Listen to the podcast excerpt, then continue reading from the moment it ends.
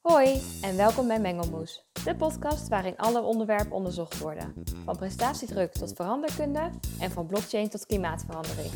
Elke aflevering gaan een aantal studenten van het toptalentprogramma van Saxion in gesprek met een expert om zo alles over een onderwerp te weten te komen. Luister jij ook mee? Dames en heren, welkom bij de allereerste podcast van het hondersprogramma Innovation and Business Creation. Vandaag gaan we het hebben over blockchain. Sterker nog, wat voor impact gaat blockchain hebben op de toekomst? Ik ben Tim Kampen, student van het ondersprogramma en naast mij zit mijn collega Jim Niemeyer. Goedemorgen. Vandaag gaan wij te gast in de studio lector blockchain bij Hogeschool Saxion, Jan Veuger. Welkom Jan. Jan. Welkom. Goedemorgen, leuk om hier te zijn. Ja, welkom. Goed om te horen. Uh, Jan, zou je jezelf even voor kunnen stellen? Ja, ik ben uh, vanaf 1 februari lector hier, of 1 februari vorig jaar lector bij Saxion, uh, blockchain bij Saxion. Um, en uh, ja, uh, probeer leiding te geven aan het lectoraat. Er zitten zeven mensen in. En wij zijn uh, met het thema verbonden aan de academie Bestuur, Ruimte en Recht, Financiën, Economie en Management en Creatieve Technologie. Dus drie academies, 19 opleidingen. En daar proberen we met het thema handen en voeten te geven aan het onderwijs. Aha, oké. En op wat voor manier ben jij in aanraking gekomen met blockchain? Uh, dat was eigenlijk al in 2006, uh, want daarvoor was ik lector bij de Hans Hogeschool in Groningen. Mm, okay. um, en toen was ik gaan kijken van wat gebeurt er in de maatschappij en wat, heeft dat op, wat voor effect heeft dat op het onderwijs. En dan heb je het over disruptie en dan heb je het over blockchain. Dus ik heb in 2016 onderzoek gedaan, 2017 dat onderzoek uh, gepubliceerd over blockchain. Um, dat ook later verder in Europa, in Cartagena en Spanje mogen presenteren, ook een keer in, in Amerika. En daar kreeg ik heel veel aansluiting. Dus dat maakte mij heel erg in, uh, vond ik het heel bijzonder om te kijken van wat gebeurt er allemaal op uh, dat gebied. Um, dus een aantal publicaties gemaakt, veel presentaties over gegeven. Nou, toen kwam deze vacature hier vrij en dat uh, paste mij zeer. Ah, dus je was er al vroeg bij? Ik was er vroeg bij. Natuurlijk, blockchain is al veel eerder begonnen.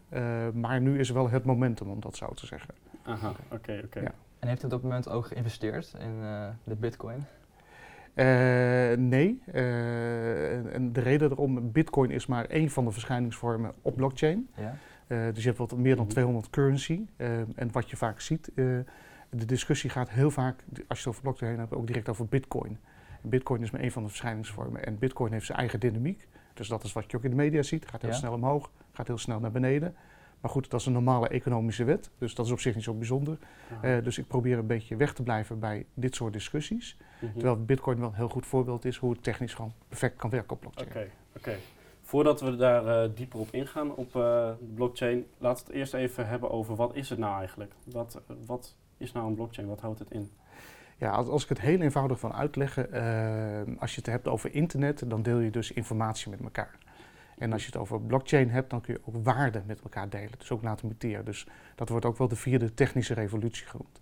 En een blockchain is in essentie niet anders dan, niet anders dan een groot boek. Dus een boekje waar je bijhoudt wat, wat je doet, zeg maar. Maar dat is gedeeld met elkaar. Dus wij zitten hier met z'n drieën aan tafel. Ja. We hebben alle drie hetzelfde uh, uh, boekje, zeg maar, waar we alles bijhouden. De mutaties die daarin plaatsvinden, die worden allemaal versleuteld middels cryptografie. Nou, cryptografie is ook al meer dan honderden jaren oud, maar dat is de kunst. Dus je hebt een, een systeem waarin je data met elkaar deelt en ook waarden kunt overdragen, maar dat is allemaal versleuteld. Nou, dat is het in essentie, is in essentie zo. En voor de luisteraars, wat is dan precies die uh, uh, cryptografie? Of hoe uh, noem je dat?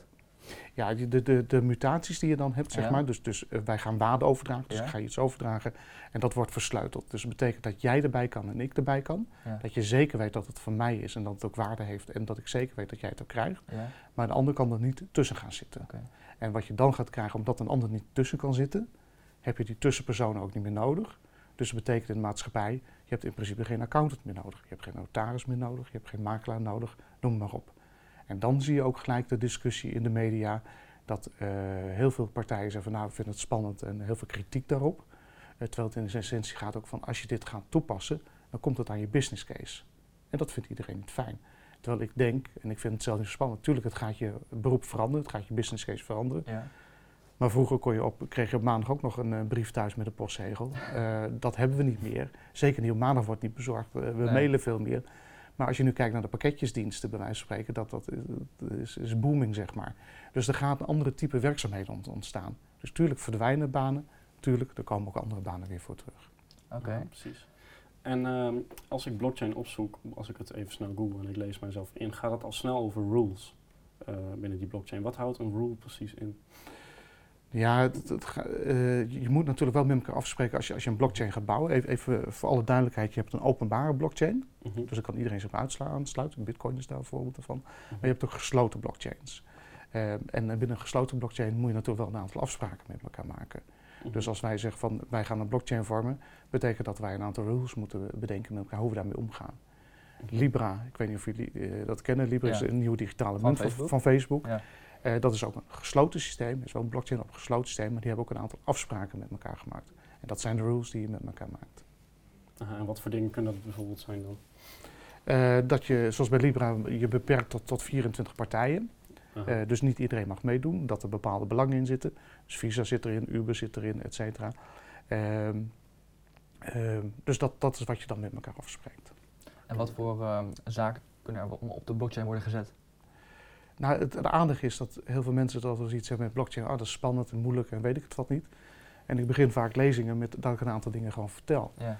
Ehm, als je nu een kaartje wil kopen bij Jochem Meijer of eh, Joep van het Hek, dat is altijd gedoe met die kaartjes, het lastig te krijgen. Je kunt ze vaak alleen nog meer op de zwarte markt krijgen. Nou, dat, dat wil Jochem niet, dat wil ik niet, dat wil mijn zoon niet, waar ik graag mee naar Jochem ga. Nee. Maar dat is dus nu wel op een blockchain geregeld. Nou, dat is het mooie daarvan. Eh, als je naar de gaming-industrie gaat kijken, daar is al heel veel op de blockchain geregeld. Op het financiële gebied is ook al heel veel geregeld op de blockchain. Dus we werken er al heel veel mee. Alleen we hebben het niet in de gaten. En ik gebruik wel eens vaak de metafoor van een auto. Je weet hoe een auto rijdt, je weet niet precies wat er onder de motorkap zit. Je bent geen automonteur, maar je weet wel dat er een motor in zit en je weet ongeveer wat die capaciteit heeft en wat je ermee kunt doen. Zo kun je dat vaak Ja, vergelijken. precies. Wat voor impact gaat blockchain hebben op de toekomst? En dan wil ik eigenlijk als eerst eh, starten met de vraag: ehm, hoe denkt u dat, eh, dat of hoe denk je dat de blockchain de economie zal veranderen? Wat voor impact gaat het hebben op, op de economie in Nederland? Nou, Mhm. sowieso heb ik de stelling dat binnen nu en vijf jaar is het mainstream, blockchain. Eh, Zo snel al? Ja, dat gaat heel snel. Ehm, en waarom? Want eh, doordat ehm, eh, met het systeem van blockchain ben je dus grensloos. Dus Mhm. in het denken en doen en in elke handel ben je grensloos. Dus je bent niet gebonden meer aan Europa, de landen, eh et cetera, wat eraan gebeurt. Dus dat, dat, is, dat is heel mooi. Dus het gaat zich heel snel ontwikkelen. Ehm, wat je wel hebt, als je dan mondiaal kijkt, in Europa ehm, ontwikkelt zich dat wat minder snel eh, dan dat het in China gebeurt, dan dat het in Afrika gebeurt of Zuid-Amerika. Waarom? Omdat wij in Europa, maar ook in Nederland, heel veel dingen geïnstitutionaliseerd hebben. Dus de banken, het kadaster, notariaat, noem maar op. Mhm. En die doen het vrij goed. Kadaster is ook niet 100% waterdicht, maar wel het allerbeste wat je kunt hebben. Dus de noodzaak is hier niet zo hoog. Op het moment dat je nu in Afrika zit en je hebt een stukje grond en je wilt er wat mee, dat je zegt van ja, maar dit is van mijn opa, heb ik georven. Eh, maar dan gaat iemand zeggen van joh, heb je een identiteitskaart? Heb je een paspoort? Eh, heb je iets van de notaris dat van jou is? Staat ingeschreven in het kadaster? Is allemaal nee, nee, nee, nee, nee. Terwijl ze daar allemaal wel een telefoon hebben. En met de, de telefoon kun je dus ook op de blockchain. Ja. Dus dat is het grote voordeel. En daarom zie je dat ook dat Facebook, die zit met name op die groepen mensen die wel de telefoon hebben, maar niet binnen die institutionele landen zitten. Eh, dus dat gaat zich dan veel sneller ontwikkelen. China bijvoorbeeld, het, het- het grote voordeel, maar ook zeker het nadeel is dat als in China wordt gezegd we gaan allemaal linksaf, dan gaat iedereen linksaf. Dus eh, China heeft ook net gezegd van Een collectief systeem. Ja. En ik, ik Mhm. vind er ook iets van persoonlijk, Mhm. eh, maar het is wel iets wat gebeurt. Dus Ja. daar wordt ons gelooflijk veel op de blockchain gezet. Dat is, die gaat ook leidend worden in heel veel dingen. Dus dan Mhm. kunnen we in Europa heel veel discussies met elkaar hebben. Zo van, nou, moet het wel, moet het niet. Maar als je niet uitkijkt, dan komt de bus van rechts. In de zin van, ja, dan China die heeft het straks wel voor elkaar. Ja. Afrika heeft het wel voor elkaar. Heel veel Mhm. discussie over Libra. Maar als die er straks wel is, hebben we er wel mee te maken. En als je dat dan weer vertaalt bijvoorbeeld eh, naar Nederland toe, dus weer heel dichtbij. Als je kijkt bijvoorbeeld naar de banken en de, de, de crisis met de banken vanaf 2008. En ING is gehalveerd. En er gaan binnenkort weer 10.000 banen bij de banken weg. Ehm, en wat je daarnaast hebt, is de, de hele ontwikkeling van die currency. Dus die hele digitale munten, munten die er zijn. En bitcoin is er een van, Libra is er een van, er zijn er vele meer. Maar wat je nu ziet gebeuren, en dat is wel interessant, en vandaar dat ik ook de stelling aandurf dat binnen vijf jaar heel veel gaat veranderen. Dat Ja. eh, eh, Duitsland heeft nu gezegd van, goh, wij moeten ons erop oriënteren. Dus die hebben een, een onderzoekslijn uitgezet. Frankrijk zet de hak in de sloot. Nederland zegt van, nou, we wachten even af. Maar het IMF bijvoorbeeld heeft gezegd, van, er zijn eigenlijk drie scenario's waar je rekening mee kunt hebben. Banken. Mhm. Er gebeurt helemaal niks, het blijft zoals het is. Er komt een soort hybride situatie, dus de authentieke banken, maar ook digitale banken, digitale munten. Of we hebben straks geen banken meer. En dat- alles gaat over op blockchain. Dat kan. Mhm. Ik denk dat de waarheid ergens in het midden zal liggen.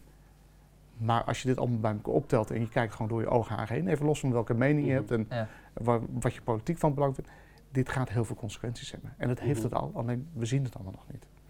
Precies. Dus eh, het gaat veel consequenties hebben, dat is ook wel duidelijk. Ik bedoel, iedereen heeft het erover, blockchain. Ehm, hoe kan Nederland hier nou het best op anticiperen? Wat, wat kunnen we hier nou het best mee? Nou, wat, wat ik eh, vooral jonge professionals, maar ook in mijn eigen omgeving vooral probeer te zeggen, we proberen een awareness op dit gebied te hebben. Dus probeer gewoon te kijken van wat er gebeurt daar. Ehm, je hoeft niet overal mee eens te zijn, je hoeft niet overal bij aan te haken, maar het is wel de wereld waar we in zitten. Eh, Mhm. Dus je kunt niet zeggen van, in mijn optiek, van nou, het waait allemaal over en het zal wel. Nee, het is veel beter om je erop te oriënteren, wat gebeurt er dan allemaal? En, en wat is dan wijsheid om bij aan te haken of er iets van te weten? Of Check. al dan niet af te studeren, bij wijze van Ja. spreken. En als je het niet wil, prima, even goede vrienden. Maar weet in ieder geval dat de wereld zo gaat veranderen. Want eh, kijk bijvoorbeeld naar Alibaba. Ik weet niet of jullie dat meebegrijpen, maar dat was een single day. Ja. Ik wist niet dat er Bizar. was. En echt in één uur tijd een paar miljard gaat erover. En dat is Ja, gewoon de, de nieuwe economie, de nieuwe werkelijkheid. Mhm. Ehm, er wordt kle- digitale kleding gekocht. Ja, want met Alibaba was het ook, die hebben eigenlijk gewoon een stap in die hele supply chain tussenuit ge- ge- gehaald. En in één keer van de producent naar eh, gaan, zij gaan sturen. Ja, maar dat is dus een totale Ja. andere economie die gaat ontstaan. Ja. En volgende week hou ik mijn lectorale reden ook. En daarin zeg van dat er ontstaat een nieuwe samenleving en een nieuwe economie.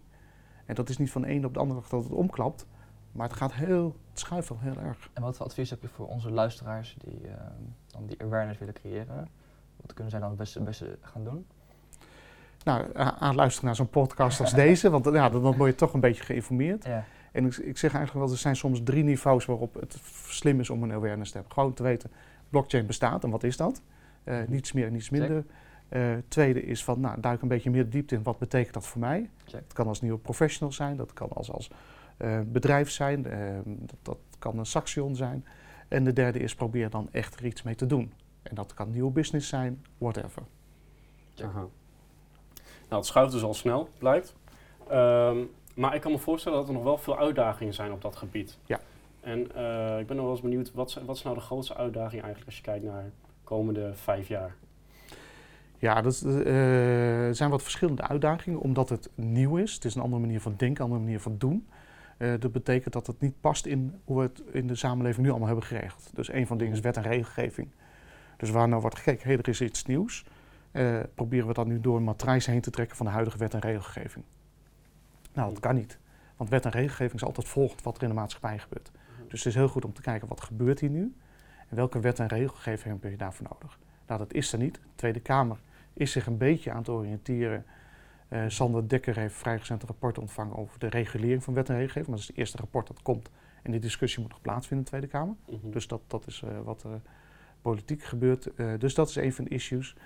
Daarnaast, dingen moeten nog doorontwikkeld worden. Eh, Tesla was ook niet in één dag eh, perfect. Dus eh, er moet hier nog wel wat nodig gebeuren op professioneel gebied. En wetenschappelijk gezien eh, moet ook nog nodig gebeuren. Want ja, we hebben geen 100 jaar wetenschap over de blockchain. Dat is net nieuw. Dus je moet het onderzoeken. En dan eh Ja, moet wetenschappelijk meer literatuur over komen. ja, en dat zie je langzamerhand ook komen. Er zijn wat Mhm. populaire boekjes in de markt, bij managementboeken, et cetera. Mhm. Maar het zijn wat meer algemeen ding. Maar wat wij als lectoraat ook doen, we schrijven vrij veel journals. Dus het is wetenschappelijk, toegepast wetenschappelijk. We hebben een aantal promovendi. Dus die maken heel mooi de connectie met de wetenschap, Ja. toegepaste wetenschap en studenten. En ook collega-docenten. Ehm, en we hebben net eh, het blockchain basisboek af. Flinke dikke pil. Eh, maar dat is het, het basisboek, het bijbeltje, het naslagwerk voor degenen die zich echt in de techniek van de blockchain willen verdiepen. Nou, dan moeten wij die ook maar eens gaan lezen. Ja, inderdaad, eigenlijk wel hè. En ehm, de consument. Want ik, wij volgen al bij een opleiding en wat wij ook heel erg eh, leren is dat eh, de consument eh, soms eh, een beetje moeilijk qua vertrouwen is en dat de adoptiegraad vaak eh, heel laag is. Ja, dat, dat, dat is ook dat met de blockchain? Ja, eh, als je het over adoptiegraad hebt, dan is die ook vrij laag. Eh, maar dat is op zich niet, niet nieuws, want eh, ehm, eh, iets, iets adopteren kost gewoon tijd. En wat je in zijn algemeenheid ziet, is dat je hebt altijd wat een aantal voorlopers, en ongeveer 20% die zeggen dit is belangrijk om te doen, inclusief de critici. Dus Ja. dat is wat je nu ook bij het lectoraat ziet en ook hoe andere hogescholen ons kijken van hé, hey, dat zijn toch een beetje de voorlopers.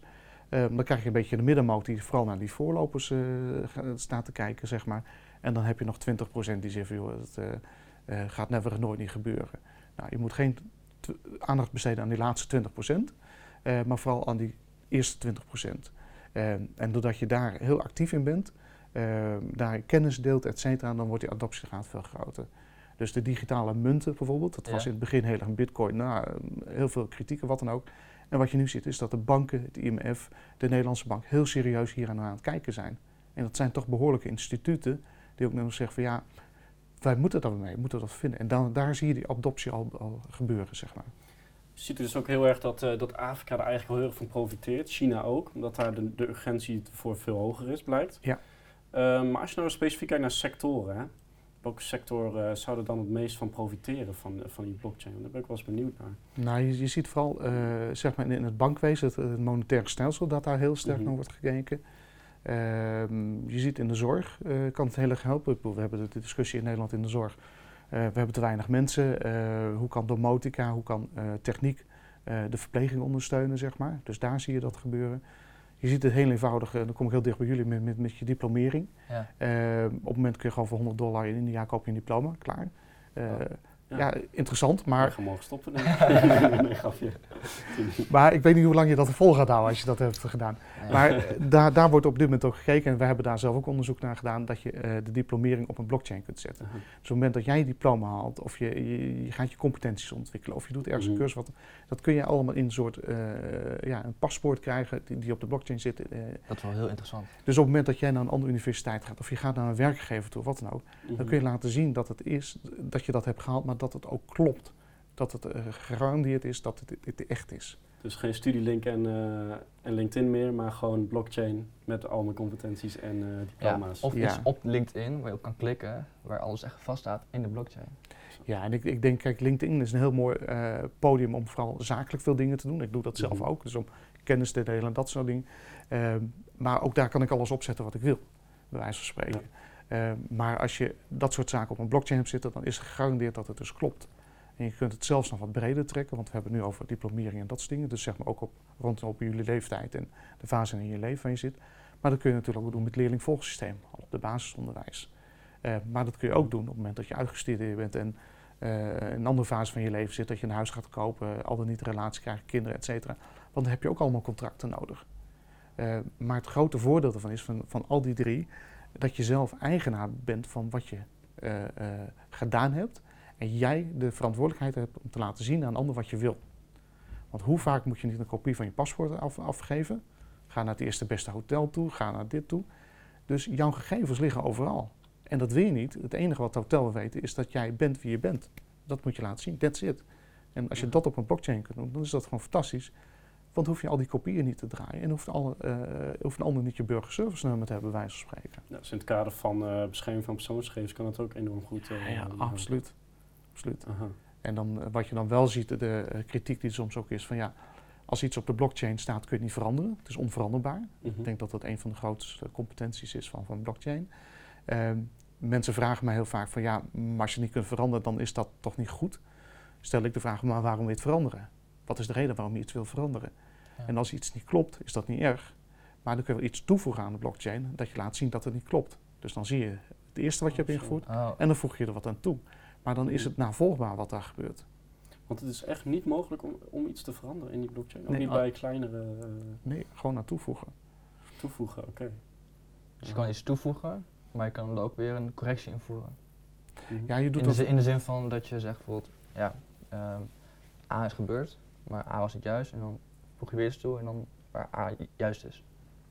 Nee, nee, wat je doet is dat je hebt een document, Ja? eh, die zit in de blockchain, daar, die kun je niet veranderen. Je kunt wel zeggen van ik voeg er iets aan toe. Dus in het document wat er staat, staat op pagina 17, regel 4, dit en dat en dat. Maar met voortschrijdend in het zicht hebben we ge- geconstateerd dat. Dat voeg je er weer aan toe. Dus dat betekent Mhm. dat je het eerste kunt lezen, maar ook het tweede kunt lezen. Dus het is allemaal volgbaar. En wat daar interessant is, we hebben net een, eh, een vierdaagse masterclass afgesloten voor de politie Oost-Nederland. Ja? En die vinden dat helemaal geweldig, want alles als vast ligt, dan heb je het dossier gewoon voor elkaar. Dus echt die transparantie. Die transparantie, ja. En het grappige is dat als je transparantie niet leuk vindt, dan heb je blijkbaar iets te verbergen. Ja. Dan begint die interessant te worden. Ja, dat wordt interessant. En ik denk ook dat veel consumenten of bedrijven dat wel moeilijk vinden. Ja, en aan de andere kant zie je, eh, als je bijvoorbeeld naar eh, de chocolade-industrie kijkt, eh koffie-industrie, vinden mensen het heel belangrijk om te weten dat het duurzaam is en waar Ja. het vandaan komt. Met de cacaoboeren en Inderdaad. ook, ik denk ook met kleding, want je hoort heel veel over bijvoorbeeld grote merken zoals Zara en H&M en fast, fa- fast fashion. Ja. Fashion. Klopt. En, en da- daarin zie je ook in die hele eh, supply chain, zeg maar, op het moment dat jij die, die hele keten kunt borgen met, met een blockchain en Ja. kunt zeggen van joh, maar er komt gewoon geen kinderarbeid aan te pas. En wij kunnen dat, echt bewijzen. Dat is geweldig. Dus als je nu bijvoorbeeld ook naar de, eh, de reisindustrie kijkt, je kunt een heel fantastisch mooie duurzame reis doen. Ja, Maar wie zegt dat het waar is? ja precies. Ja, Wie zegt dat het waar is? Is het, is het marketing of is het echt? En dus daarom zijn we nu ook bezig met een onderzoek om te kijken of we dat hele ecosysteem van de reiswereld dus op een blockchain kunnen Ja. krijgen. Want qua marketing, ja, ik ben een duurzaam bedrijf, hartstikke mooi. Maar ja, maar. Ja, alsjeblieft. Precies. En dan nu ons standaard topic, een mengsel van meningen, waarin we het onderwerp van deze podcast ter discussie stellen. Voordat we verder gaan met het gesprek met Jan, hebben we eerst een aantal andere mensen geïnterviewd over hoe zij denken dat blockchain impact gaat hebben op de toekomst. Hier gaan we nu even naar luisteren. Nou, ik zit hier nu in de gasfabriek in Deventer met eh, Erwin Bisschop. Erwin, welkom. Ja, dankjewel. Eh, kun jij eens vertellen wie je bent en wat je doet? Ja, nou, mijn naam is dus Erwin Bisschop. Ik ben een van de oprichters van het bedrijf Coinversible. Eh, een bedrijf dat 3,5 jaar geleden is opgericht eh, om echt in de praktijk met blockchain aan de slag te gaan. Want we zagen dat er heel veel gepraat werd over de mogelijkheden van blockchain technologie, maar dat maar heel weinig mensen daadwerkelijk aan de slag gingen met die technologie buiten de cryptomunten. Dus wij bouwen blockchain applicaties voor overheid, onderwijs, bedrijfsleven. eh, die gebaseerd zijn op die blockchain technologie en die eh, nou, eigenlijk niks te maken hebben met de cryptomunten zoals we die misschien wel kennen. Aha. En hoe denk jij nou dat eh, blockchain impact gaat hebben op de toekomst? Ja, ehm, zoals ik al zei, wij doen niet zoveel met cryptomunten, ehm, dus daar kan ik niet al te veel over zeggen hoe dat zich gaat ontwikkelen. De- Maar als ik kijk naar toepassingen binnen de overheid, binnen het bedrijfsleven of binnen het onderwijs, dan zie ik dat blockchain in staat is om ervoor te zorgen dat organisaties makkelijker met elkaar kunnen samenwerken. Omdat die blockchain een stukje data-integriteit garandeert en ervoor zorgt dat, je, ja, dat de compliance eigenlijk gegarandeerd is. En dat is eh, iets wat heel belangrijk is, nu steeds meer partijen met elkaar gaan samenwerken. En kun je een voorbeeld noemen van zo'n samenwerking? Als je kijkt naar eh, bijvoorbeeld, we hebben een project gedaan met Belastingdienst en UWV. Nou, die moeten bepaalde gegevens met elkaar delen. Maar dat gaat nu nog op een hele ja, inefficiënte manier. En dan gaat het vanuit het systeem van de Belastingdienst naar het systeem van de UWV. En ja, de UWV heeft geen idee of al die gegevens correct zijn, of daar de juiste checks op zijn uitgevoerd, of, of er onderweg niks aan veranderd is. Dus die hebben eigenlijk heel veel vragen over de data-integriteit en over de, de, de compliance van het hele proces. En daar zie je dat je door blockchain in te zetten ge- gegevens betrouwbaar en gevalideerd kunt uitwisselen zonder dat je eh, allerlei checks opnieuw hoeft te doen. En een ander voorbeeld is in het onderwijs, waar we zien dat steeds meer leerlingen on- onderwijs volgen op meerdere scholen of meerdere locaties. En om dan toch goed in de gaten te kunnen houden ja, wat de voortgang van leerlingen is, of ze klaar zijn om examen te doen of voor hun diploma. Eh, ja, dan kan die blockchain ook de organisatie overstijgend eigenlijk eh, gegevens bijhouden. Ah, Dus daar zie ik de grootste toepassing. Oké, dankjewel. Hallo, ik ben hier vandaag met eh, Arthur Jansen. Nou Arthur, wie ben je en eh, wat doe je? Ja, goeiedag. Ik ben eh, Arthur Jansen, deel van het lectoraat Saxion voor de blockchain. Ik heb samen met Shailin Lim het basisboek blockchain geschreven. En ik zit al een paar jaar als kwartiermaker of als lid bij de blockchain hier in, op Saxion. Ehm that's it. Dat is wie ik ben. Ja. En wat voor impact denk jij dat blockchain gaat hebben op de toekomst? Ja, dat is een grote vraag. En ehm, het hangt er natuurlijk ook vanaf wat je eh, op korte termijn of op lange termijn eh, eh, ziet of, of wil zien. Ik denk op korte termijn niet ontzettend veel. Je ziet nu echt wel initiatieven ontstaan. En die initiatieven die gaan echt wel de belofte inleveren die we dachten dat het inlevert. Dus ehm, bedrijven gaan op goedkopere manieren data delen met elkaar, ook met on- onbekende partijen. De consument wordt meer betrokken, de consument die krijgt een wat andere rol. Alles krijgt een, een token op de blockchain waarschijnlijk, de kleinste soorten bezittingen. Dus dingen kun je makkelijk verhandelen, zelfs je eigen uurtjes of een, eh, een kartonnen beker. Dat zie ik op korte termijn wel gebeuren. Veel daarvan dat gaat eh, aan de achterkant. op de midlange termijn, zeg vijf, vijf tot tien jaar, zie ik echt wel nieuwe model ontstaan. Zoals ook ooit Google is ontstaan en Airbnb. Alleen dan op de blockchain. Dus eerst vervang je dit soort internettechnologieën. Want blockchain is uiteindelijk een internet- en datatechnologie. Die vervang je met blockchain toepassingen. En dan komen echt nieuwe modellen, zoals een voorspellingsmarkt. Dat is een nieuw model. En misschien wel nieuwe uh, valuta die uh, echt gaan ontstaan. van de ground up, decentraal. En op de langere termijn, um, waar ik van uitga, is dat eerst bedrijven alles op hun, hun eigen blockchaintjes gaan zetten. Zoals vroeger ook intranet. En dat je op de lange termijn ook langzaam echt naar een internet gaat. Waarin ook autonome organisaties door onszelf opgericht kunnen ontstaan. En hopelijk de volgende slag, slag kunnen maken. Om competitie te voeren met bedrijven en andere organisaties. Dus, en dit is meer hoop. Hè, hoe verder je in de toekomst kijkt, hoe groter die bandbreedte is. Maar ik hoop er echt op dat we in, in staat zullen zijn om not-for-profit alternatieven te verzinnen voor een verzekeringsmarkt of voor een bank. Of, uh, of misschien, wie weet, ooit wel eens om mobieltjes te maken, dat soort dingen. Gewoon wij als initiatief uh, met elkaar. En, en daar leent deze technologie zich heel erg voor. Als je kijkt naar um, vierde industriële technologie, vierde industriële revolutietechnologie, dan is het onderdeel van uh, vele andere technologieën, zoals big data en kunstmatige intelligentie, et cetera.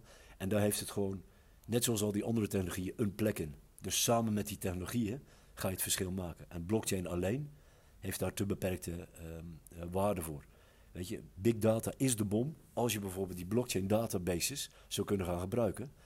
En blockchain databases, het liefst waar iedereen in zit iedereen op Ethereum, zou ik zeggen, weet je wel. Dan heb je echt ontzettend veel data waar je echt iets mee kan. Dan kun je het verschil maken. Dus het is niet meer dan een stukje van de puzzel. Waarschijnlijk om een nog mooiere toekomst. En waar die toekomst naar leidt, ja, dat, uh, dat is alleen maar dat is iets voor science fiction films uh, uiteindelijk over 30, 40 jaar. Maar daar kun je alleen van dromen, denk ik. Oké. Okay. Nou, bedankt Arthur Jansen. Uh, hier vanuit de Hogeschool Saxion. Dag Shai Lin Lim. ik ben Johnny Meijer. En ik ga Shai een paar vragen stellen over blockchain. Nou Shai, wie ben je en uh, wat doe je? Ja, ik ben uh, Shai Lindem. Ik uh, werk bij Saxon sinds anderhalf jaar geleden. Binnen Saxon geef ik les in blockchain en in digital technology.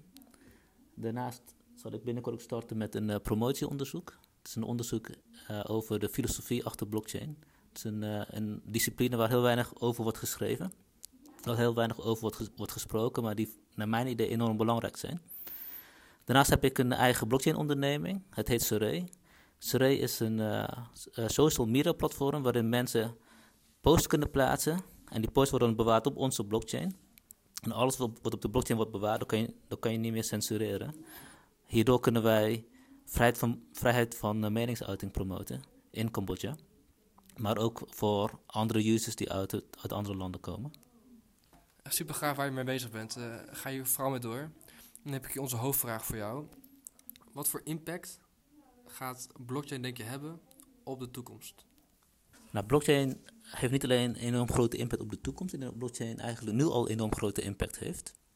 Als je bijvoorbeeld kijkt naar hoe mensen praten over blockchain, is het heel anders dan hoe ze erover praten vijf of zes jaar geleden. Ik herinner, ik herinner me nog dat toen, ik in de blockchain-wereld stapte in 2010, 2011 toen was iedereen enorm enthousiast over, over bitcoin en over uh, cryptocurrencies. Het zou een uh, hele nieuwe manier van, uh, van finance, van, van finance doen. Um, in de jaren die erop volgden merkte ik dat heel veel mensen zeiden, nou, cryptocurrency is niet zo belangrijk. Wat belangrijk is, is blockchain, de technologie achter cryptocurrency. Ik was het daar altijd mee oneens, want cryptocurrency zelf heeft een enorm grote impact op onze samenleving. Uh, want bij elke, e e bij elke economische transactie waarbij je iets koopt, een product of een goed, is 50% van de transactie altijd een overdracht van geld. En als het geld nu een cryptocurrency is, nou, dan heb je eigenlijk al 50% van de hele economie te pakken. Wat je trouwens ook ziet in de afgelopen, uh, afgelopen twee jaar, anderhalf jaar, is dat het zeggen dat cryptocurrency er niets toe doet en dat het om blockchain draait, dat dat steeds, steeds meer is, ko is komen vervallen. Want je ziet nu dat de centrale banken nu al aan het experimenteren zijn met, uh, met, met uh, cryptovaluta. Zo zal China binnenkort een eigen crypto-yuan uitbrengen. Um, de ECB komt met een crypto-euro. Cambodja komt met een eigen, een eigen crypto, cryptocurrency in drie maanden tijd al. Dus het heeft niet alleen impact in de toekomst, maar het heeft wel echt een enorme impact nu. En kan je een voorbeeld geven wat jij denkt, wat voor eh, impact blockchain gaat hebben op een specifieke branche of voor bijvoorbeeld finance of bijvoorbeeld voor eh, currencies? Ik ben zelf enorm geïnteresseerd in, eh, in social media en in, en in finance. Als je kijkt naar social media, dan zie je dat heel veel dingen die wij op social media plaatsen, dat die in bezit komen van de tussenpartij. In dit geval bijvoorbeeld een Facebook of een Twitter. Maar dat betekent ook dat een Facebook of een Twitter jouw post kan verwijderen. Eh, of ze kunnen jouw post of de content gebruiken om door te verkopen aan adverteerders. Nou, als je nou Facebook eruit haalt en je zet daar gewoon een, een platform neer, dat draait op een blockchain. Eh, en dat platform, dat is van iedereen, omdat iedereen die op die platform plaatst zelf een coin terugkrijgt voor het plaatsen van, van, van zijn post. En waardoor iedereen die dan eh, een post plaatst ook direct een soort van aandeel krijgt in het platform, eh, dan, dan haal je eigenlijk één bedrijf eruit. En volgens mij is dit iets waar wij naartoe willen gaan, of naartoe moeten gaan. Eh, het is een wereld waarin we minder bedrijven hebben die zoveel macht hebben over ons leven. En dat de services zelf worden gerund door de, door de participanten van, uh, van het businessmodel. Bedankt voor de mooie filosofie en het beantwoorden van deze vragen. Nou, welkom terug. Heel interessant om te horen wat andere docenten hier nou eigenlijk over denken. Uh, waar ik nu iets meer op in wil zoomen is uh, op jouw idee, Jim. Want jij bent ook bezig Ja. met blockchain. Dat klopt. Met je eigen bedrijf opzetten ook. Ja. Uh, vertel eens even waar je mee bezig bent. Uh, ik zal het even kort uitleggen. Uh, ik doe de opleidingen ondernemerschap en routemanagement. En hieruit zijn we bezig met, een, uh, met wat medestudenten uh, met een idee om uh, het donatieproces trans transparanter te maken en de donaties meetbaar. Omdat je nu, als je nu wil gaan doneren, weet je niet precies wat er met je donatie gedaan wordt, waar het aan wordt uitgegeven en wat voor impact je donatie maakt. En ja, dat is eigenlijk wat wij nu uh, ja, in kaart willen gaan Je brengen. denkt dan met blockchain uh, dat wel transparanter te maken, Ja, zodat de zodat donateur als jij bijvoorbeeld niet doneert, dan weet jij wat, wat er met je donatie gebeurt, waar het heen gaat en wie, wie, wie je ermee helpt. En dat je ook echt een, een uh, connectie maakt met uh, de donateur, de, de stichting, bijvoorbeeld uh, UNICEF of uh, het KWF. En bijvoorbeeld degene die er mee wordt geholpen. Dus je kan zeg maar zien, als ik een euro doneer, die komt dan precies daar terecht of dit gebeurt ermee. Ja. Aha, oké. Okay. Ja. Um, ik, er zijn recent heel veel nieuwsberichten over dat uh, blockchain ook de goede doelensector gaat veranderen. Hoe denkt u daarover? Nou, wat je natuurlijk hebt uh, met goede deal, uh, je wilt graag doneren, maar uh, wat je nog liever hebt is dat je zeker weet dat het terechtkomt waarvoor ja. je het bedoeld hebt. Dus er is heel veel belang bij dat het transparant is, dus ja. dat het niet te veel aan de strijkstok blijft hangen, om dat zo te zeggen. Maar dat het ook op die plekken terechtkomt en dat je weet wat daarmee gebeurt. Nou, als je dan een techniek hebt als blockchain die helemaal transparant is laat zien, maar die ook onveranderbaar is, dat je exact weet waar wat terechtkomt. Ja, ja als je naar de maatschappelijke ontwikkeling kijkt, en, en zeker bij, bij jongeren zie je dat ook steeds meer, die vinden dat ongelooflijk belangrijk en volkomen terecht. Ja. Dus het is zeer actueel waar je mee bezig bent. En um, wat zouden dan eventuele belemmeringen kunnen zijn? Um, nou, ik, ik denk, ja, je kunt altijd beren op de weg zien, maar ik denk dat je vooral als je zoiets wilt, het vooral moet doen. Ja. En onderweg komen er vanzelf wel uh, een aantal drempels, maar die kun je wat nemen. Um, je moet het wel organiseren, je moet het technisch inrichten, je moet het bouwen. Um, je moet de adaptatie krijgen natuurlijk van de, ja. uh, de mensen die ermee bezig gaan. Maar dat zijn dingen die zijn allemaal te managen, zeg maar. Dus ik, ik zie daar geen grote beren voor op de weg. En het zit meer ook in het denken, want als je in zo'n blockchain zit, dan zit je ook in een netwerk te denken. Ja. Jongeren die denken al veel meer in netwerken, die, die, zitten niet aan grenzen gebonden, letterlijk en figuurlijk niet. Dus het past bij, uh, zeker bij de jongeren, maar ook bij heel veel andere mensen die, die gewoon grenzeloos durven denken, maar het wel goed geregeld willen hebben. Nou, super tof om te horen. Ja. Mm-hmm. Nu nog een volgende vraag. Jan, uh, binnen het lectoraat, wat zijn nou de dingen waar jullie echt mee bezig zijn? Waar ben jij nou bijvoorbeeld uh, momenteel mee bezig op het gebied van blockchain? Ja, we, we, het lectoraat houdt zich eigenlijk bezig met, met vier grote lijnen. Mm-hmm. Het is blockchain voor disruption, blockchain voor acceleration, blockchain voor finance en blockchain for good. Nou, die laatste zit heel mooi in de lijn waar we het net over hadden. Ja. Eh, dus dat zijn de vier lijnen. En onder die vier lijnen doen we verschillende projecten. En dat varieert van, van bedrijven die in de foodindustrie zitten en die het geregeld willen hebben. En zeker eh, weten waar, waar het food vandaan komt en et cetera. Hebben het gehad met een, een afstudeerder met, eh, op het gebied van de staalbouwindustrie. Dat hij kan aangeven van, goh, eh, zo zijn de grondstoffen geweest, dit is wat ik lever en dit is de kwaliteit waar ik lever. We zijn met een aantal promovendi bezig. Dus eentje zit op de complexiteit van organisatie in blockchain. Want als je met blockchain aan de slag gaat, dat betekent dat iets voor je organisatie. Dus die is zich daarop aan het ontwikkelen. Eentje op de ecosystemen, en met name ook naar de travel industrie. Want eh, ja, daar gebeurt ook het nodige. En wat ook heel belangrijk is en interessant is, is dat ook eentje gaat aan de slag gaat met eh, blockchain ethiek. Eh, want je hebt natuurlijk wel met ethiek te maken en eh, we hebben met uh, algoritmen te maken. maar de kritiek die ook heb van ja, als je niet weet wat een algoritme is of je weet niet wat erin staat of wat ermee wordt bedoeld, ja, dan kan het wel eens lastig worden. Dan komt er misschien iets anders uit wat je wil. Dat we de controle verliezen misschien. Nou ja, kijk, je hebt natuurlijk de ethische kant. Van, als je kijkt naar big data bijvoorbeeld, dat is ongelooflijk veel data, dat is het probleem niet. Maar klopt die data? Ja. Want, of anders gezegd, van, wat is je vraag? Ehm, eh, dus garbage in is garbage out. Dus als je dat in, in, in, in, in, eh, in een systeem regelt, ja, als je de rommel instopt, komt de rommel uit. Eh, dus je moet er heel goed kijken van over welke data heb je dat dan? En wat is die data dan? En wie heeft de data aangeleverd? Kijk, als mijn buurvrouw iets vindt over blockchain, dat is hartstikke mooi. Maar wat zegt dat nou? Of wat zegt dat nou als een hoogleraar iets zegt over blockchain? Dat zijn wel verschillende eenheden. Ja. Dus daar moet je Mhm. vooral naar kijken. Dus we zijn met die vier onderzoekslijnen bezig met veel projecten. We zijn nu begonnen met een project met een, eh, om een DNA-paspoort te maken voor gebouwen. Dus alles wat met een gebouw heeft te maken, staat dan op zo'n paspoort. Oké. Dus je duurzaamheid, je exploitatie, je waardering, et cetera. Daar hebben we net ook een prijs voor gewonnen om dat eh, te ontwikkelen. Nou, gefeliciteerd. Eh, dankjewel. en, eh, dus, en, en we zijn ook vooral met het bedrijfsleven daar ook mee bezig. Dus echt de connectie van het werkveld, het onderwijs en onderzoek. In die driehoeks werken we altijd. En jijzelf, waar waar hou jij het meest mee bezig binnen die eh, vier lijnen? Ik hou me eigenlijk met alle vier de lijnen bezig, want ik probeer een beetje overzicht te houden, et cetera. En ook de Mhm. accenten. En we proberen nu met, met vooral met dit promotieonderzoeken, eh daar heb je dus een, een onderzoekslijn voor de komende vier jaar. Dus dat betekent heel steady daarmee bezig. Mhm. Eh, actueel waar ik mee bezig ben is om een digitaal platform te ontwikkelen, waar alles over blockchain erop kan staan. Daar hebben we net een eh, subsidieaanvraag voor ingediend. Ik hoop dat wij die rond de zomer dit jaar kunnen ontvangen. Eh, maar dat betekent dat we met een vijftal hogescholen helemaal een digitaal platform gaan ontwikkelen. Want alles wat rondom blockchain erop staat. Dus daar komt ook het basisboek blockchain op bijvoorbeeld. Ook de publicatie gedaan. Ook deze podcast kan er trouwens op, zit ik nu te bedenken. Maar op die digitale platform willen we dat soort dingen doen, zodat het ook met iedereen gedeeld kan worden. maar dat je ook dingen aan kan toevoegen. Het is echt om die awareness te Ja. creëren. Ja. Eh, Ik bedoel, het kan best zijn dat iemand zegt naar de aanleiding van deze podcast: hé, hey, wat jullie hebben besproken, dat klopt niet. Of daar heb ik wat vragen over, of heb je hier wel aan gedacht? Nou, dat kun je fantastisch mooi regelen op zo'n platform. nodig hem de volgende keer uit. Dat lijkt me heel Ja, verstandig. precies. Ja. Toch? Verder hoor ik dat er een binnenkort een lezing is waar Ja. je zelf spreekt.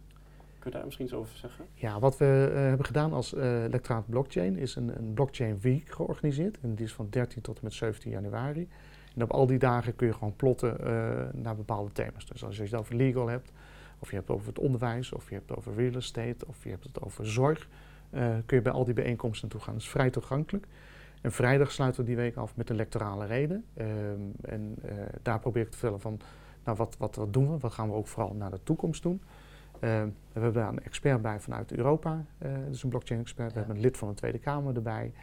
Eh, we hebben een hoogleraar uit, eh, vanuit de Arizona State University. Eh, we hebben ook de CEO van Topicus hier aan de overkant, of in- bij Deventer in de Ja. overkant aanwezig, Daan Dijkhuizen. En zo proberen we het debat te voeren van wat gebeurt er nu naar de toekomst. En wat is dan de conclusie die u daaruit kan stellen? Nou, de, de conclusie die zal ik ook vertellen met mijn lectorale eh, reden, dat we het vooral hebben over de blockchain convergentie. En conver- convergentie is een fenomeen dat bedoelt dat verschillende technologieën en ook verschillende marktpartijen eh, naar elkaar toe groeien. Dus als je nu over blockchain hebt, of je hebt het over kunstmatige intelligentie, of je hebt het over Internet of Things, die dingen gaan naar elkaar toe groeien. Ook in de maatschappij. Want als je alleen al kijkt van wat je met je iPhone kunt, eh, de verwarming aanzetten, je auto starten of whatever, daar gaat heel veel data heen en weer. Ja. Eh, daar kan blockchain een heel belangrijke rol in, in spelen. Eh, en dat gaat steeds meer naar elkaar toe bewegen. Dus het zijn geen losstaande s- dingen meer, maar meer een, een systeem met relaties Ja, het, het groeit naar elkaar toe. En Mhm. dat, dat is niet alleen de techniek, maar ook de maatschappij die zal zich daar eh, op die manier wat gaan vormen. Maar dat doen we eigenlijk al, want de maatschappij ziet er nu heel anders uit dan voor 50 jaar terug. Ja. Het is veel meer Ja. netwerk. Het is meer, als jij iets wilt, ja, of iemand dan toevallig in, in India zit, dat maakt niet uit. Praat je dan nu over de vierde industriële revolutie? Absoluut. En eh kort je dat uitleggen voor de luisteraars, wat, wat dat precies is? Nou, wat, je- wat je hebt is eigenlijk, eh, zeg maar, nou, de, de eerdere indus- eh, revoluties, industriële revoluties, dat heb je over de auto-industrie bijvoorbeeld. Ik weet niet, toen de eerste auto op de weg kwam, liepen er een paar paarden voor, want het was gevaarlijk dat er een auto reed. Nou, dat kun je je nu voorstellen. Nee. Dat het, Ja, dat was met stoommachines toen. Inderdaad. In 1900. en wat je nu ziet, als je alleen dan kijkt wat, wat internet aan zich teweeg heeft gebracht, gebracht, zeg maar. En dat is vooral informatieuitwisseling. Maar als je nu waarde kunt uitwisselen, ja, dan dan gaat er een hele andere dynamiek ontstaan. En dat, is een, dat wordt dan ook de vierde technische revolutie genoemd, omdat dat een heel ander systeem is, een heel andere manier van denken, een heel andere manier van met waarden omgaan. En dan komen al die, eh, zoals de blockchain, kunstmatige intelligentie samen. En die werken dan samen. En dan als één groot geheel. Ja, als je kijkt, en dat is een beetje ver weg, maar er is in eh, Beijing is, eh, het grootste vliegveld ter wereld gebouwd. En wat je daarin ziet, zijn al deze, deze dingen daar al geïntegreerd. Dus op het moment dat je daar gaat vliegen, is dit allemaal dus geregeld op allerlei manieren. Hebben we het even niet over CO2-uitstoot, dat is een hele andere discussie. Maar dat is wat je ziet Ja. gebeuren. En we zitten natuurlijk niet in Beijing, maar eh, kijk gewoon heel klein naar, naar je smartphone, wat er allemaal niet mee kan. Dan is dat ontzettend En als we kijken naar duurzaamheid, hoe kan eh, blockchain helpen om meer duurzaamheid te, creëren en Ja, wat, wat de je vergroten daarvan? nou, dat dat, is ook een heel actueel eh, probleem. Ja, nee, het kan. Ehm, maar dan begin ik even bij wat, wat is duurzaamheid? Want duurzaamheid is ook een containerbegrip. Alles is duurzaam. Ja, wat, wat is duurzaam? Ja. Maar wat je wel wil als je daarmee bezig bent, en dat kan gewoon heel eenvoudig zijn eh, waar je woont en je hebt zonnepanelen en je wilt energie uitwisselen, bij wijze van spreken. Dus Ja? laten we dat even als, als casus pakken en als voorbeeld van, van duurzaamheid. Op het moment dat je dat in je straat doet of in je omgeving, dan wil je natuurlijk ook de energie vereffenen of delen. Of jij hebt wat weinig, jij hebt wat meer, dat je dat doet met elkaar, maar dat ook verrekenen, zeg maar. Dat kun je fantastisch op een blockchain doen.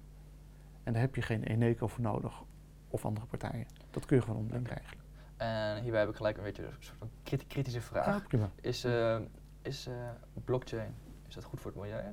Is dat, eh, gaat dat samen? Oh, ik denk dat ik weet waar je op doelt. Dat het natuurlijk eh, best wel veel energie verbruikt, Ja. al die Ja. eh, data-uitwisseling. Precies, en energietransities. Ja, dat vraag, vraag me nu wel af. Ja, hoe zit dat dan precies? Ja, het verbruikt veel energie, dat klopt. Mhm. Eh, maar ik vind het soms een beetje een bijzondere discussie. Want even, laten we even stellen, het verbruikt weer één veel energie. Ja. Ja, één, dat is één. Twee, kijk nu naar een gemiddelde bank. Er staat ook een gebouw. Iedereen werkt daar, lichten zijn aan, computers zijn aan. We gaan met de auto heen en weer. Dat kost ook energie. En die vergelijking wordt vaak nooit getrokken. Dus ja, het kost energie. Maar hoe staat het in verhouding tot wat we nu doen? Ja, echt tegen de andere kant gaan echt die hele Ja. afweging. eh, Ja, factoren ik, ik, had eh, is gisteren net ook wat op LinkedIn gezet en, en daar, daar quote ik iets. En ik eh, eh, ze zag mijn eigen quote weer terug. Ik denk, hé, hey, had ik het zo bedoeld? Ja, zo had ik het zo bedoeld. Dan komen we even terug op Bitcoin, waar we Ja. ook mee begonnen. Is dat je eh, vanuit Amerika en Trump die riep ook die, die Bitcoin en die, die currency, dat moeten we allemaal niet willen, maar daarmee wordt eh, terrorisme gefinancierd. Punt. Ik denk van ja, zo wat. Eh, want terrorisme wordt nu ook gefinancierd door de dollar, bij wijze van spreken. Dus eh, ik gebruik het als voorbeeld dat het een non-discussie is op die manier. Dus op dat je dat zo doet, is dat een non-discussie. Ehm, en het grappige is, als je ook eh, vrij recent in de Senaat zag, was, moest Mark Zuckerberg even naar voren komen, vertellen waarom hij met Facebook en Libra wil doen. En als je dat een beetje volgt, dat is een samenvatting van een paar minuten.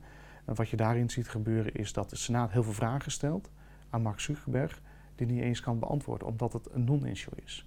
En je vraag was van, goh, Mark Zuckerberg, moet jij niet een dag in de week eh, dingen screenen op Facebook, omdat dat er niet op kan? Ja, zeg Mark, maar als ik dat alleen doe, dan schiet dat niet op.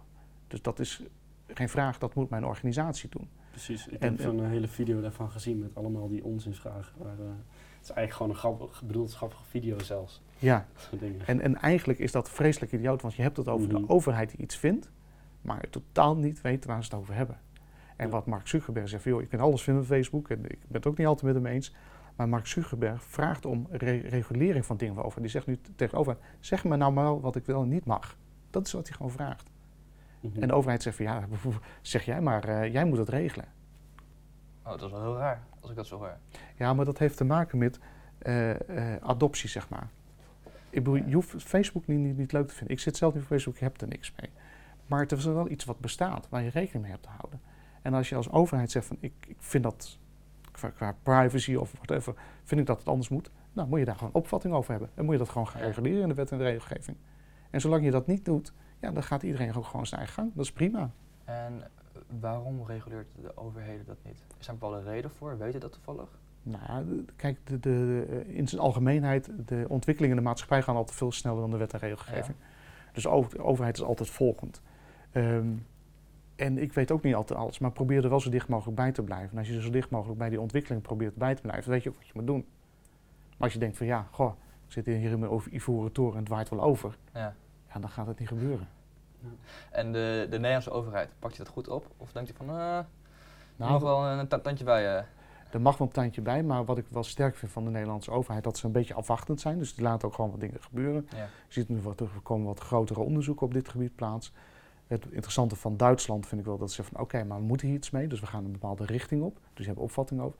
Eh, dat vind ik goede ontwikkelingen. Kijk, en als, als een eh, Franse minister gewoon met eh gestrekt been erin gaat, bij wijze van spreken, denk van ja, dat kun je doen. Maar daarmee is het niet opgelost. En je hebt toch er iets mee te dealen. En als je Komt zegt- er niet aan. Je komt er niet aan. En als je zegt van ik vind het niks en ik wil er niks mee en ik wil het niet reguleren, is ook prima. Maar dat is ook een standpunt. Dat is ook helder. En als we Ja. kijken naar de Europese eh, Unie, Ja. Hoe antici- anticiperen die op deze ontwikkeling en wat doen, doen die eraan? Want al die, bijvoorbeeld Frankrijk, Duitsland, Nederland liggen allemaal in de Europese Unie, Ja. maar toch hebben ze allemaal hun eigen ideologie over blockchain. Ja, wat, wat je in de Europese Unie ziet, er zijn een, een, eh, een aantal samenwerkingen erin. Eh, en de Europese Unie heeft ook wel opvatting over hoe we hiermee om moeten gaan. Dus die hebben een expertgroep, eh, die is wat groter, zijn, zijn er een paar. En die hebben hier opvattingen over. Dus die hebben ook, als je eh, op een site kijkt van de Europese Unie ook, er zijn nu zes rapporten verschenen. één over regulatie, één over eh, eh, currency en dat soort dingen. Maar die hebben daar al richting ideeën over. En de belangrijkste conclusie daarvan eh, dat je daar wat mee moet, dat je daar opvatting moet hebben en ermee moet reguleren. En dan weer heel praktisch, de Belastingdienst houdt ook rekening mee met je inkomstenbelasting, dat je currency kunt hebben. En dat je dat er gewoon in, ik weet niet in welke box dat zit, maar dat het geregeld is. Dus je ziet al heel kleine stapjes dat dat inderdaad gaat gebeuren. Handhaven ze dat dan ook? Als stel je geeft die cryptocurrency niet aan bij de belasting. Hoe komen ze daarachter? Nou ja, dat is wel een van de dingen, want als je heel snel dingen kunt versleutelen Ja. ehm, en, en, en verspreiden, zeg maar, ja, dan is het onvindbaar. Precies. Maar ja, dat is met de dollar en met de euro ook zo. Ja, oké, oké. Dat is waar. Dus dan krijgen we weer die discussie. weer diezelfde discussie die we net hadden. En natuurlijk, het is lastig, want je kunt het gebruiken, maar je kunt het ook misbruiken. Mhm. En daar zit in van, ja, hoe ga je dat misbruiken en hoe kun je dat voorkomen, zeg maar. Dus daar zit echt de uitdaging. Daar zit echt de uitdaging in. En daarom is het ook leuk dat we net een masterclass blockchain voor de politie Ja. Oost-Nederland hebben gegeven. Want die zeggen van, joh, ehm, eh, wij hoeven geen specialist te worden, maar we willen het wel begrijpen, zodat we weten waar we moeten zoeken en waar patronen zitten. Dan heb ik eigenlijk nog één afsluitende vraag. Het is iets meer een abstractere vraag. Ehm, wanneer als je ver in de toekomst moet kijken en een ideaal beeld moet schetsen van eh, hoe jij zou willen dat, dat het eruit ziet in het kader van blockchain, hoe zou je dat dan omschrijven? Nou, het is lastig om om een 10, 20, 30 jaar vooruit te kijken, Mhm. maar het, het grensloos werken, eh, denken, doen, eh, ik denk dat, we, eh, dat dat straks leidend is. Dus we zijn niet gebonden aan grenzen, we zijn niet gebonden aan. er zitten allerlei nuances in, zeg maar. En, en het heeft ook een hele mooie dynamiek in de zin, zin, maar daar hadden we ook in het gesprek over, dat ook de maatschappelijke kant geregeld kan worden in dit soort netwerken. Dus als een groep mensen opstaat die zeggen van, joh, maar wij passen ervoor wat hier binnen de overheid gebeurt, want we vinden dat niet goed. Kijk maar eens hoe snel dingen gemobiliseerd kunnen worden via je, je, eh, je smartphone, zeg maar. Dus dat is wat er denk ik steeds meer gebeurt. Dus de, de druk van het volk, of hoe je dat wil noemen, of de, de sturing daarvan, dat, die gaat veel groter worden. Want je Aha. kunt in Den Haag bepalen of in Europa bepalen, dit en dat zouden we moeten willen doen. Maar als een hele groep zich gaat bewegen en zich gaat eh, organiseren, ook in een netwerk, al dan niet met blockchain, dan gaat het een druk geven, dan gaat het een heel andere beweging geven. En ik denk ook naar, als je kijkt naar maatschappelijke betrokkenheid, maatschappelijke issues, ja, die, die komen veel beter boven water drijven en dat wordt veel steviger, denk ik. Nou, ik denk dat dat mooi is om mee af te sluiten. Eh, Jan, hartstikke bedankt dat je Ja. er vandaag kon zijn met ons. Ja, heel Eh, graag dat gedaan. je ons eh, wat kon bijbrengen over blockchain. Ja, Zeer interessant gesprek. Inderdaad, heel interessant. En voor alle luisteraars bedankt voor het luisteren. Eh, wil je nou meer weten over waar wij ons mee bezighouden binnen het ondersprogramma? Check dan sowieso even de andere podcasts uit deze reeks. En eh, voor nu een fijne dag en hopelijk tot snel. Vond je dit een leuke podcast? Luister dan elke twee weken naar een nieuwe aflevering van Mengelmoes. Voor meer informatie over ons toptalentenprogramma kan je ons volgen op Instagram hp.ibc.cl. Tot de volgende keer!